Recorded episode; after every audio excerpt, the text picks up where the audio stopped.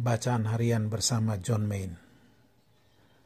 Tradisi Kristiani kita mewartakan bahwa iman yang kita peroleh adalah Allah bukannya tidak ada, tetapi Allah beserta kita secara penuh dalam diri Yesus yang hidup dan bersemayam dalam hati kita.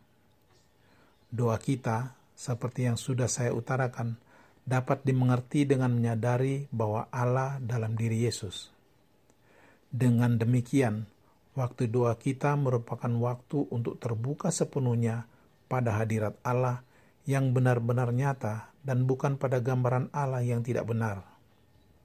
Semua gambaran-gambaran kita tentang Allah dalam pikiran dan angan-angan kita berasal dari kesadaran kita yang terbatas.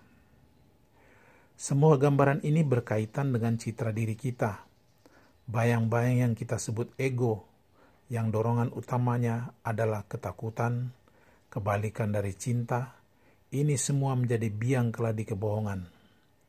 Itu semua hanyalah bayang-bayang karena diri sejati kita tidak mempunyai gambaran melainkan kesadaran utuh dan tidak dapat dibedakan. Kesadaran kita terbatas, terpecah-pecah oleh karena citra diri yang salah, bayangan dari ego, dan kemudian dibebaskan dan dibuat utuh kembali melalui cahaya Kristus yang di dalamnya tidak ada kegelapan, tidak ada makhluk terpecah yang dapat memancarkan cahaya.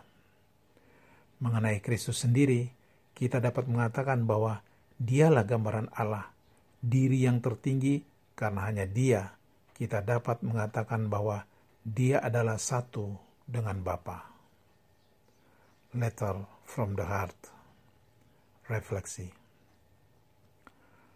Allah beserta kita secara penuh dalam diri Yesus yang hidup dan bersemayam dalam hati kita. Bersukacitakah kita atas anugerah yang kita peroleh dari tradisi iman Kristiani ini? Dalam doa ini, kita hanya perlu membuka hati kita sepenuhnya akan anugerah yang tak terkira, bahwa melalui kesatuan kita dengan Yesus, maka kita menjadi satu pula dengan Bapaknya. Dan yang perlu kita lakukan dalam doa kita hanyalah duduk diam, hening, dan setia dalam mengucapkan mantra selama waktu meditasi. Tuhan memberkati.